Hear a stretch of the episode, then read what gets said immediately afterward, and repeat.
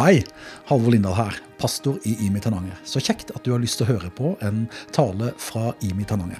Vi samles annenhver søndag klokka 11 på bedehuset i Tananger. Og du er hjertelig velkommen til å bli med òg der. Du kan òg finne mer informasjon om oss på Facebook eller på internett på imikirken.no.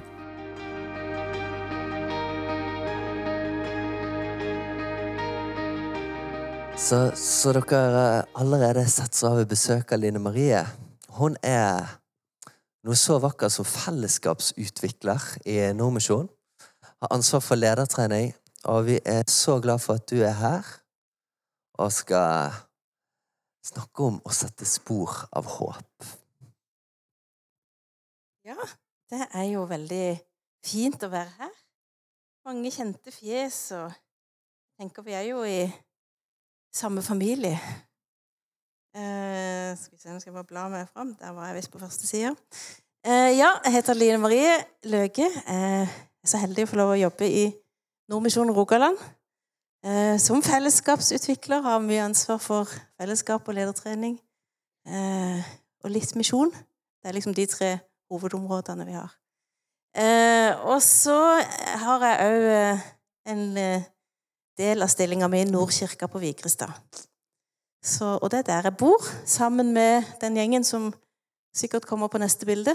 Eller det vil si, det var ikke helt sant, for akkurat nå så er det bare Børge, min mann, som òg sitter der, og yngstemann, som bor hjemme. Og de andre er jo andre plasser. Så, så store barn har jeg. Og så har vi en hund òg. Den eh, tar igjen for livet de andre ikke lager i huset lenger. Ja. Eh, ja, vet ikke hva jeg skal Hvis dere lurer på noe mer om meg, så kan dere komme og spørre etterpå. Eh, men jeg tenkte jeg skulle si i forhold til Horvis, da, for jeg sa jo at vi skal samle inn 20 millioner eh, før vi kan begynne, er egentlig det årsmøtet har sagt. Eh, og så har vi kommet til løftet om 6 millioner, så vi er ikke helt på start. Det, bare, det var litt fint å si. Så vi er i gang. Så det blir nok det blir nye Horve. Men nå kan du ta videre til neste bilde. Eh, når jeg skulle forberede meg til å komme her, så var det jo veldig eh, Jeg må si jeg har gått litt i fram og tilbake og kommet tilbake til fram igjen. Fordi for det at jeg har egentlig i hele fjor så var håp var liksom mitt ord for året. Og så klarte jeg ikke å slippe det. Så derfor så ble det å sette spor av håp som liksom ble overskriften. Og her ser dere jo verdens håp, eller iallfall noe som skal illustrere det. Eh, og så, Nå er vi jo i starten av et nytt år, vil jeg si, fortsatt, fordi vi er kommet over i februar. Eh, og når det begynner et nytt år, så er det jo sånn nytt år, nye muligheter, nyttårsforsetter. Jeg vet ikke åssen går det med deres nyttårsforsetter. Eh, men noen ganger så kan det òg være litt sånn Eller i hvert fall opplever jeg det litt sånn skummelt med et nytt år. Liksom, hva kommer til å skje i det nye året? Og det nye året sånn nyhetsmessig har jo starta nokså mørkt, vil jeg si. Altså, det er jo den ene tragiske hendelsen etter den andre. Drap og familier og Ja, det er jo helt forferdelig, og det er krig krig og elendighet. Og eh, det er til å bli eh, Ja, ikke akkurat oppløfta å se på nyhetene. Eh, og så var min tanke litt sånn Åssen kan vi ha håp? Eller åssen kan vi eh, snakke om håp? Vi har verdens håp. Det tror jeg på dypt i mitt hjerte. Eh, men åssen kan vi på en måte snakke om det inn i denne tida, sånn at eh, folk forstår det? Og ofte så blir jo håp brukt litt sånn lettvint. sant? Jeg håper, håper det blir sol i dag. Eller jeg håper det går bra på håper det går bra når jeg skal tale her i dag. Eller eh, når jeg gikk på skolen altså Jeg håper det går bra på prøven. Eh, og det, akkurat det med sol det handler ikke så mye om mine prestasjoner. Men mange ganger så handler det jo litt om våre omstendigheter, da, disse håpene. Men når Bibelen snakker om håp, så har det jo ikke noe med våre omstendigheter å gjøre. Når Bibelen snakker om håp, så er det et stort håp. Det er et håp som vi kan stole på. eh, det er knytta til Guds løfter, ikke våre omstendigheter. Og håpet gjelder inn i evigheten, men det gjelder òg her vi er nå. Eh, og hvis vi leser gjennom Bibelen, så kan vi se at eh, Gud minner folket sitt på å feire de gode tingene Gud gjør. Det er masse sånne rytmer og feiringer. Og det tenker jeg det må være fordi eh, vi trenger å minnes og feire det Gud gjør. For vi er litt glømske. Vi glemmer fort. Vi trenger å feire og for å huske hvilken stor Gud vi har. For det er der håpet vårt er forankra. Og i januar i fjor så hadde vi en nordmisjonsfest i Bogafjell kirke. Eh, og eh, vi hadde Svein Gran, nei, ikke Svein Granrud, Svein Høysæter som talte om håp. Eh, og han hadde med seg et anker, så det hadde jeg egentlig tenkt å ha med meg her i dag. For det, håpet i Bibelen er jo ofte Eller ikke bare ofte, det er symbolisert med et anker. Og Kanskje noen av dere har hatt et sånt smykke med sånn tro, håp og kjærlighet, og da er det i hvert fall et anker og et hjerte og så et kors. Der Gud er, der er det håp. Og da, hvis du går til neste bilde, så er det sikkert Vi håper på noe vi ikke ser oppfylt. For hvis vi, jeg skal lese det sikkert. For i håp er vi frelst. Et håp vi alt ser oppfylt, er ikke noe håp. Hvordan kan, vi, kan noen håpe på det de ser? Men hvis vi håper på noe vi ikke ser, da venter vi med tålmodighet. Eh, jeg vet ikke om dere er vant til å være på sjøen. Men jeg vokste opp i Søgne. Eh, og det, der er det jo mye sjø. Og jeg fikk eh, være tidlig i båten med min far, eller med begge foreldrene, for så vidt. Og da, når vi skulle Enten om vi skulle legge til en holme eller noe sånt, eller vi skulle bare eh, legge til Av og til så måtte vi legge til liksom litt midt på sjøen for å holde for å, ja, Pappa skulle sikkert fiske eller et eller annet. Så lærte jeg tidlig at dette med å ankre opp, det er ikke noe å tulle med. Det må man gjøre skikkelig. Eh, det nytter ikke bare å ta ankeret liksom, og ups, hive det ut. Eh, det må jo For det første så må du jo ha et tau på. Det er jo ganske viktig. Og tauet må være, Du må holde fast i tauet når du slipper ankeret, ellers så er det jo ingen hjelp i ankeret. Og så må du jo virkelig kjenne at ankeret får feste i bunnen. Det nytter jo ikke med et anker hvis det bare ligger og eh, drar tang på bunnen. Eh, og eh, pappa, husker jeg, han, han kunne fort bli litt, litt sånn stressa og amper når vi skulle ankre opp, fordi at, eh, fordi at det var viktig. Fordi at hvis du, skal, hvis du ikke har godt ankerfeste, så, så, vil jo båten ligge og drive. sant? Kan drive inn mot land og bli ødelagt der, eller på et skjær, eller ja. Og så må du jo kjenne at når du har hevet ut ankeret, kjenne at det sitter i bunnen, og så må du feste det i båten. Og så må det jo være passelig stramt, da, sant? sånn at det har et godt feste. Og sånn er det jo med oss òg. Vi òg må jo være forankra. Og vår forankring, det er jo i Jesus sin død og oppstandelse. Og når vi har fått lov til å ankre oss opp i det, så, så er det en trygg og sikker forankring. Og så kan vi jo ikke se festepunktet. Og det kan faktisk ikke, så ofte ikke heller når en hiver det i sjøen. Sant? For det, i hvert fall i, der som vi så var det jo ofte mørkt. Sant? Du ser ikke bunnen. Men vi kunne kjenne at det satt. Og det kan vi òg. Vi kan kjenne at det sitter ankeret inn i Jesus sin død og oppstandelse. Eh, og av og til så kan vi ikke kjenne det med følelsene våre, for følelsene våre de er jo litt sånn Jeg vet ikke hvordan det er med dine følelser, men mine er litt sånn svingende. Alt etter form og føreforhold. Men jeg kan vite det ut ifra det som du, Ole Martin, snakker om. Bibelen, Guds ord. Vi kan lese løftene som er gitt. Og Abraham han ble gitt et løfte. Det er det som står under her. Det var ikke så lett å lese. Han ble gitt et løfte, og han måtte leve lenge i håpet og i troa på at Gud ville holde de løftene som han hadde gitt Abraham, og det holdt. Han kunne stole på løftene. Håpet er som et trygt og fast anker for sjelen, og det når innenfor forhenget. Vi skal gå til Johannes 4.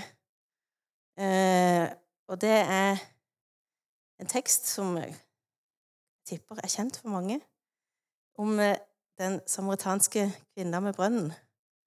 Eh, og jeg vil lese fra den som står i eh, Hverdagsbibelen, og da må jeg lese fra mobibelen min.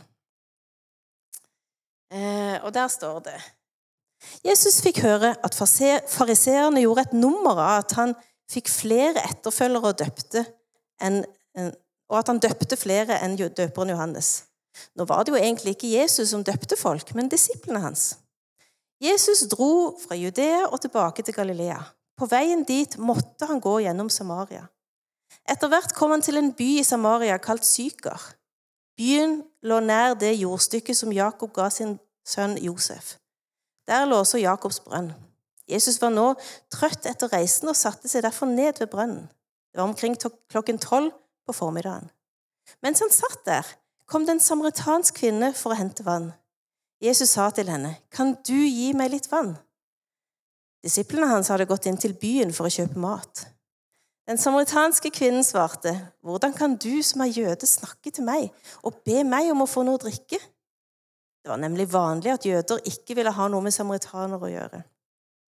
Jesus svarte henne, 'Hvis du bare hadde forstått hvilken gave Gud har til menneskene,' Hvis du bare hadde visst hvem det er som spør deg om vann, da ville du ha spurt meg om å få drikke, og jeg skulle gitt deg levende vann. Hun svarte uforstående, men herre, du har jo ikke noe å øse opp vannet med, og brønnen er dyp, hvor skulle vel du få det levende vannet fra? Du er vel ikke større enn vår stamfar Jakob? Det var han som ga oss denne brønnen, både han selv, sønnene hans og dyrene deres drakk av denne brønnen. Jesus svarte henne, alle som drikker av dette vannet, vil bli tørst igjen. Men den som drikker av det vannet jeg gir, skal aldri bli tørst igjen. Dette vannet vil bli i menneskets indre som en vannkilde, og det skal strømme vann fra denne kilden som gir evig liv. Da sa kvinnen, Herre, slikt vann vil jeg ha, jeg vil gjerne slippe å bli tørst igjen. Da trenger jeg heller ikke å komme hit og hente vann opp fra brønnen igjen og igjen. Jesus fortsatte samtalen. Kan du gå og hente mannen din? Da svarte hun, Jeg har ingen mann. Jesus sa, Du har rett, for du har hatt fem menn, og den mannen du har nå, er ikke din mann. Du har svart ærlig. Men da sa hun, Jeg forstår at du er en profet. Kanskje du kan forklare meg hvorfor dere jøder vil at man skal tilbe Gud i Jerusalem? Forfedrene våre brukte å tilbe på dette fjellet. Jesus svarte henne, Kjære deg, tro meg når jeg sier at det vil komme en tid der dere ikke trenger å diskutere om dere skal tilby Gud her på dette fjellet eller i Jerusalem. Problemet er at dere ber til, Gud, til en Gud dere ikke kjenner. Vi ber til en vi kjenner. Guds redning for menneskeheten kommer fra jødene. Men nå er tiden inne for en sann tilbedelse fra menneskenes hjerter. Gud, vår Far, leter etter dem som inderlig og av oppriktige hjerter ønsker å tilbe ham. Gud er ånd, og de som tilber ham, må tilbe ham ærlig og oppriktig. Da sa hun, jeg vet at vi venter på Messias, han som kalles Kristus. Når han kommer, skal han forklare oss alt. Jesus sier, jeg er han som skal komme. Du snakker med ham nå. Da Jesus akkurat hadde sagt dette, kom disiplene tilbake med mat. De syntes det var rart at han snakket med en kvinne. Likevel var det ingen som turte å spørre hva han, ville, hva han ville henne, og hvorfor han snakket med henne. Kvinnen lot vannkroken stå igjen og gikk rett inn i byen.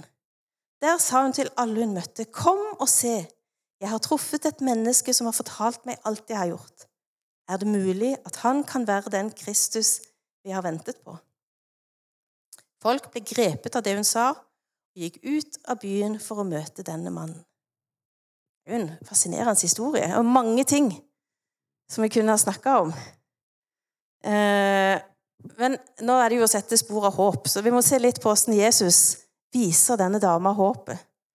Og for det første så, eh, så sitter jo Jesus der. Han er jo trøtt, og han er sulten sikkert, og tørst og alt det der.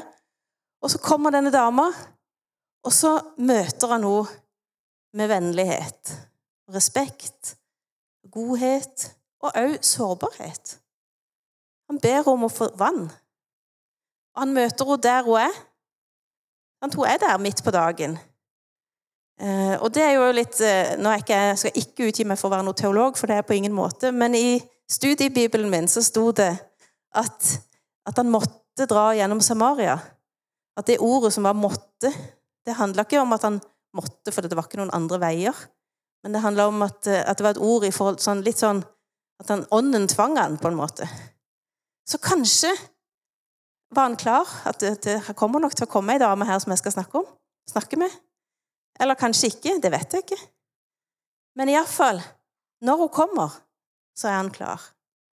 Og Jesus han vet jo godt hvem han er. Sant? Han vet hva han bærer med seg. Og så møter han denne dama. Når jeg så på The Chosen, så var overskriften på episoden var 'Jesus møter den utstøtte dama', eller 'Outcast Woman'. Eh, og han vet jo det sikkert. Eh, og så møter han henne med det gode blikket. Og så får hun lov til å oppleve både et vennlig, et vennlig ansikt eh, og, og kanskje det var helt nytt for henne. Det er Det er jo jeg kan jo tenke meg, iallfall Når vi leser akkurat i Bibelen, så står det jo ikke sånn veldig mye om hvordan hun reagerte, annet enn at hun blir overraska. Men vi kan jo tenke at hvis hun kommer der midt på dagen, eh, så er det jo for å unngå folk. Og når han snakker om henne på den måten, den gode måten, så får hun tillit til han. Det at hun kommer der midt på dagen, det er i hvert fall eh, et tegn på at hun ikke vil treffe andre folk. Eller at hun kanskje skammer seg at hun kjenner på eh, Kanskje hun ble Ja, hun var jo utstøtt. I hvert fall i The Chosen. Eh, og det fins ikke noe mørke som er for mørkt for håpets Gud. Men når en har eh, hvis Når en kjenner på sånne skam eller sånn, Og det var ting i Hoses liv, det vet vi jo, for vi leser jo teksten videre, med flere menn. Og det er helt sikkert mange ting bak det. Eh, vi vet jo at kvinnens situasjon på den tida de hadde ikke mange rettigheter. Eh, og kanskje hadde hun blitt utnytta. Altså, vi vet ikke, men det er mye vondt antagelig i bakgrunnen der. Eh, og sånn er det jo for oss òg. Vi har jo som regel òg noe i bagasjen. Og når vi skal feste blikket på håpets Gud, så er det så er det en fiende som ikke vil at vi skal gjøre det. Eh, og jeg har lært det Jeg er ikke så veldig sånn god på eh, i ballspill i det hele tatt, og iallfall ikke i fotball. Men jeg har lært at når en skal spille lagspill, da, så er det lurt å ha mest fokus på sitt eget lag sant, og vite hva vi skal gjøre sjøl. Men så er det òg lurt å vite litt om motstanderlaget. Sant? Og vår motstander skal vi ikke ha så mye fokus på. Men vi skal vite litt om at eh, djevelen han har alltid lyst til å angripe oss der vi er mest sårbare. Altså, han er bare kommet for å stjele og drepe og ødelegge og egentlig gjøre at vi skammer oss mer og trekker oss vekk fra det som er bra for oss. sant? Han vil ikke at vi skal vende blikket mot håpets Gud. Og denne dama her, hun òg, hun har trukket seg vekk fra fellesskapet. Hun har blitt utstøtt. Hun har kanskje mange tanker om hvor galt det er med henne. Løgnens far er jo han blitt kalt, den her eh, Sant? Men det er jo sannheten som setter oss fri. Det er jo sannheten som gjør at vi får, eh, får komme ut av det med skam og sånn. Og så har jeg av og til synes, Når jeg leser den teksten, så tenker jeg sånn, Jesus han er jo så hyggelig og vennlig med henne, og så, så begynner han også å spørre om disse mennene. Sant? Det er jo litt sånn konfronterende på en måte. Eller ikke bare på en måte. Det er jo det. Eh, og, så, og, så, tenker jeg Hvorfor gjør han det? Eh, og så tror jeg, sånn som jeg leser det, at han har jo lagt et grunnlag av godhet. Og så kan han si dette, eh, og så på en måte får det komme fram i lyset. Eh, og jeg tror at når Gud vil eh, Når fienden vil minne oss på alt det gale vi har gjort, så sier han sånn Der kan du se. Fytti, så dårlig du er. Du kommer aldri til å få dette til. Eller ingen liker deg. Eller eh, tror du virkelig at du er elska av Gud? Eller, sant? Sånn sier jo aldri Gud. Han sier 'kom til meg', og jeg vil gi deg hvile. Kom til meg, så skal jeg vise deg høyt jeg elsker deg. Hos meg er det håp, sier han. Jesus setter denne dama i frihet. Sannheten setter fri. Eh, og jeg tror at når Jesus møter henne med den kjærligheten altså Det er noen som har sagt at hver celle i kroppen reagerer positivt på kjærlighet. Så Da har han lagt grunnlaget for, for, at hun kan bli fri fra de tingene som hun har hatt eh, i livet sitt fra før. Og Vi er jo òg så heldige at vi har Den hellige ånd, som kan minne oss om Guds sine sannheter, som kan komme med glede og fred.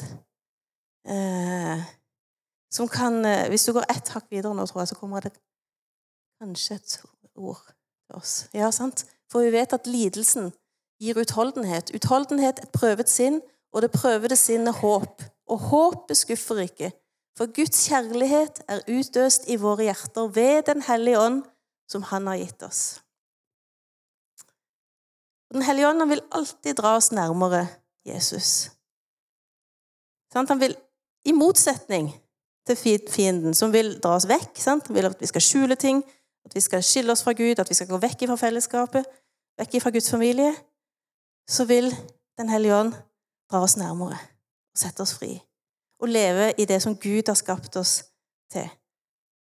Og det vil han for denne kvinna med brønnen òg. Eh, hun får lov til å på en måte bare bekjenne ut det som har vært. Og så får hun lov å legge det bak, eller gi det til Jesus. Og så får hun lov å se framover. Håpet ser framover. Det står i Filipperne 3,13 at jeg glemmer det som ligger bak, og strekker meg etter det som er foran. Og Det betyr jo ikke at vi skal liksom legge lokk på vonde ting i fortida. Eh, vi skal få lov å gi fortida vår til Jesus. Eller han får lov å helbrede det som har vært. Vi skal snakke sant om det. Men så skal vi få lov å bli fri til å leve framover i håpet. Og da tror jeg at vi trenger fellesskapet. Jeg tror at eh, vi er skapt for fellesskap. Vi er skapt til å eh, være sammen, hjelpe hverandre til å leve og holde urokkelig fast på håpet, som eh, er Jesus. Eh, vi har, eh, på Vigrestad så er vår eh, visjon nærmere Jesus, nærmere hverandre, nærmere omverdenen. Eh, og dette med nærmere hverandre, det er jo Guds familie, sant? Eh, av og til så er det jo litt sånn at eh, vi kan tenke at eh, eh, hverandre, det er de andre. Eh, men hverandre, det er jo oss, sant? Og vi trenger hverandre. Og jeg er en del av hverandre, og du er en del av hverandre. Det er en gjensidighet i det. Vi kan være hverandres hverandre. Eh, og han eh, godeste leder for Akta i Nordmisjonen, han sa det at eh, til og med Adam, når han var i paradis altså Han var jo i paradis, alt var godt der. Han var med Gud. og Så så Gud at det var ikke godt for mannen å være alene. Og så skapte han Eva. Til og med i paradis. Så vi trenger hverandre. Og når vi skal være hverandres hverandre, så, så, tror jeg det handler litt om at vi må tørre å gjøre oss litt sårbare for hverandre. At vi må eh, på en måte kunne dele både styrker og svakheter. Vi må kunne ha noen sånne fellesskap der vi kan få lov å si ut at det og det er vanskelig i mitt liv. Eller jeg strever med det, eller dette sørger jeg over, eller ja. Og at det er ikke noe som Og da mener jeg ikke at vi skal fram, alle skal fram her og så snakke om det på talerstolen, liksom. Jeg mener at vi har noen sånne små fellesskap der vi kan få være sårbare for hverandre. Der vi kan støtte hverandre, og der vi kan oppgløde hverandre til kjærlighet og gode gjerninger. Sånn at vi holder urokkelig fast på håpet. Jeg lurer på om jeg har et Ja, for der i Hebreerne, sikkert. Jeg tror ikke jeg har skrevet at det er det, men det er det. Der står det at la oss holde urokkelig fast ved bekjennelsen av vårt håp, for Han som ga løftet, er trofast. Og La oss ha omtanke for hverandre, så vi oppgløder hverandre til kjærlighet og gode gjerninger. Og la oss ikke holde oss borte når menigheten samles, som noen har for vane, men la oss heller oppmuntre hverandre. Og det er så mye mer som dere ser at dagen nærmer seg. Og Noen ganger har jeg hørt det der litt sånn strengt, liksom at det litt sånn kjeft til de som ikke kommer på gudstjeneste. Men jeg tror det er mye mer det at vi trenger å komme sammen for å holde fast på håpet. Vi trenger hverandre. Og vi trenger å oppgløde hverandre, sånn at vi kan bringe håpet i møte med de menneskene som vi møter på jobb, på butikken, der vi går hver dag. Med godhet. Vi kan møte dem med praktisk hjelp. Vi kan levere matkasser. Kan gi vennlighet. Nåde. i et lyttende øre. Og Det er jo ikke sånn at troa vår er basert på gjerninger. Det vet vi jo. Det står jo veldig tydelig. Men jeg tror at troa vår og håpet vårt fører til gjerning i livene våre. Hun godeste Heidi Baker, hvis dere har hørt om det, hun sier stadig at 'love looks like something'. Altså kjærlighet ser ut som noe. Og det er jo sånn at uh, det som hjertet er fylt av, det tyter vi ofte over av. Og min bønn er at vi skal være så fylt av Jesus og Jesus sin kjærlighet at når vi går rundt der vi er, så, så tyter det ut, sånn at mennesker får møte verdens håp bare med at vi kommer der. Og vi på, i Nordkirka Vigrestad vi er jo 20 år i år, faktisk. Eh, og for noen år, eh, vi, etter, etter, at vi hadde holdt på noen år, så spurte vi oss sjøl Vil noen på Vigrestad merke hvis vi legger ned? Hvis menigheten forsvinner, vil noen merke det i det hele tatt? Andre enn oss sjøl, som går her. Og så ble i grunnen svaret at det er ikke sikkert noen vil merke det. Og det fikk oss til å se mye mer utover, sant? for vi har jo som visjon nærhet til omverdenen. Eh, hvordan kan vi bære håpet ut? Hvordan kan vi vise at det, verdens håp er faktisk verdens håp? Og Det har ført til mange forskjellige ting, blant alt fra matkasser og godhetsfestival og fritidsklubb og nå, eh, nå det siste nye er nå gjenbruksbutikk. Så, men, og håpet er hele tida at kan vi få lov å prege bygda vår, sånn at de virkelig vil savne oss. Og eh, ikke nødvendigvis bare ikke oss som personer, men at de vil savne Guds nærvær hvis vi forsvinner.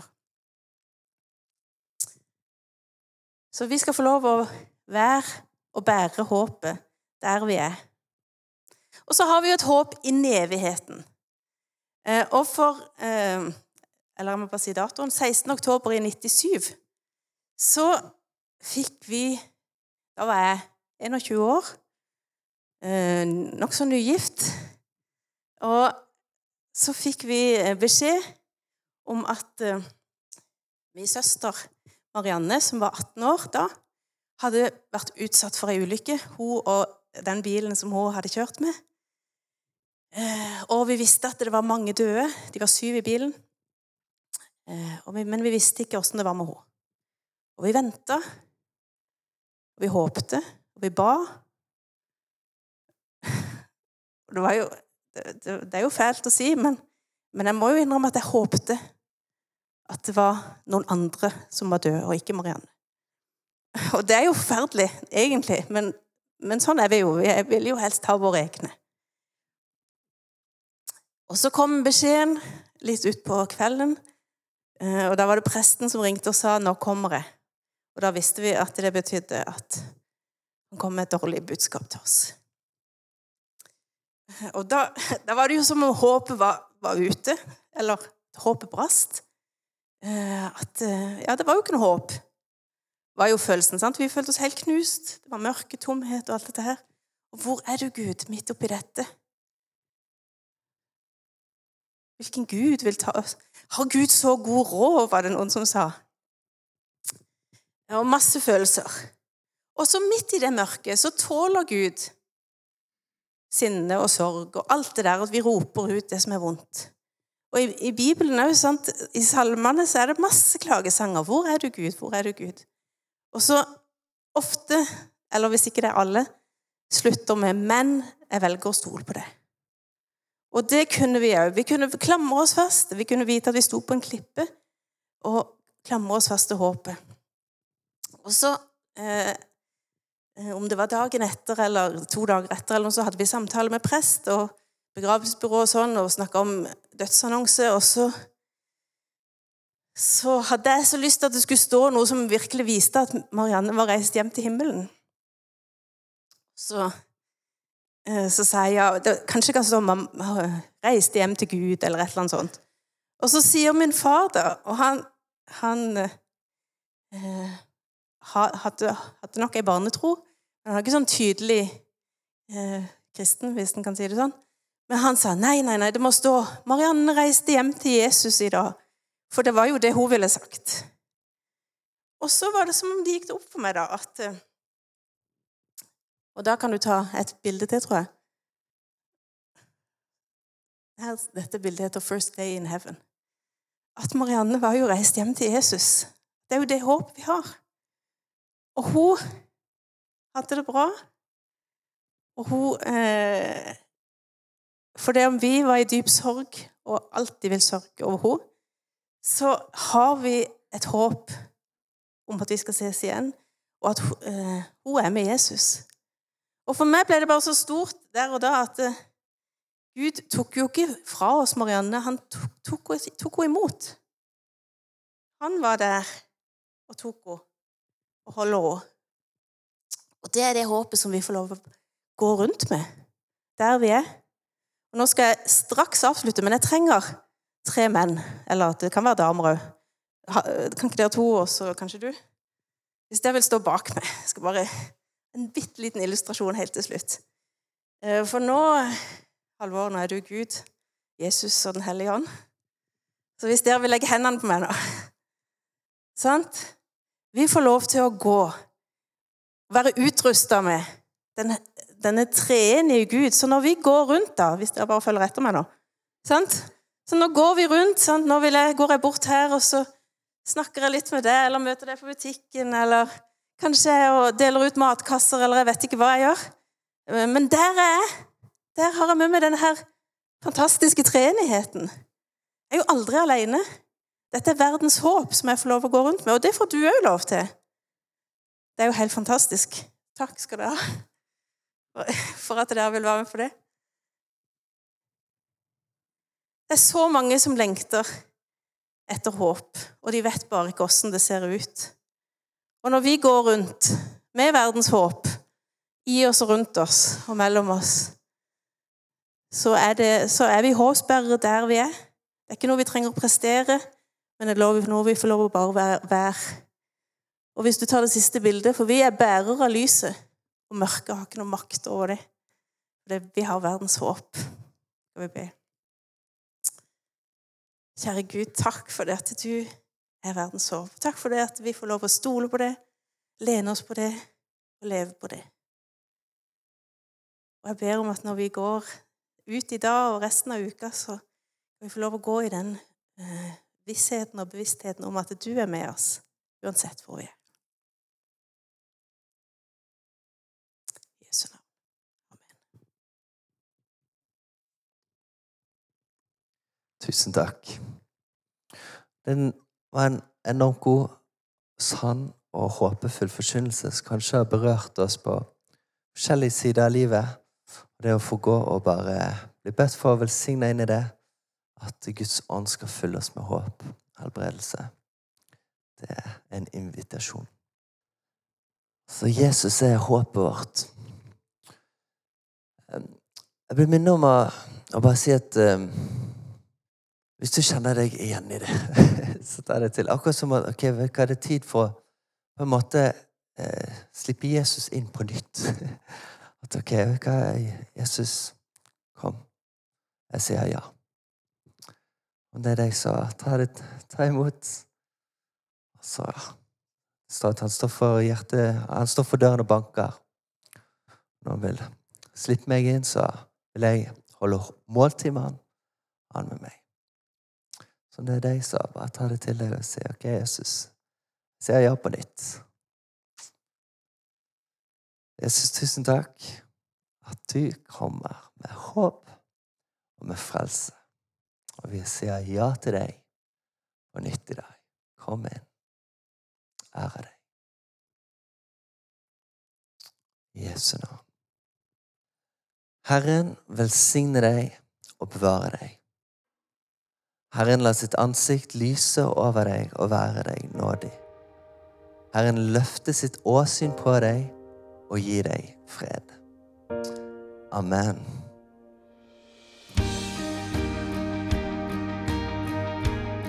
Takk for at du hørte på en tale fra Imi Tananger.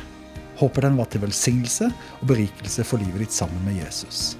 Ha en velsigna dag.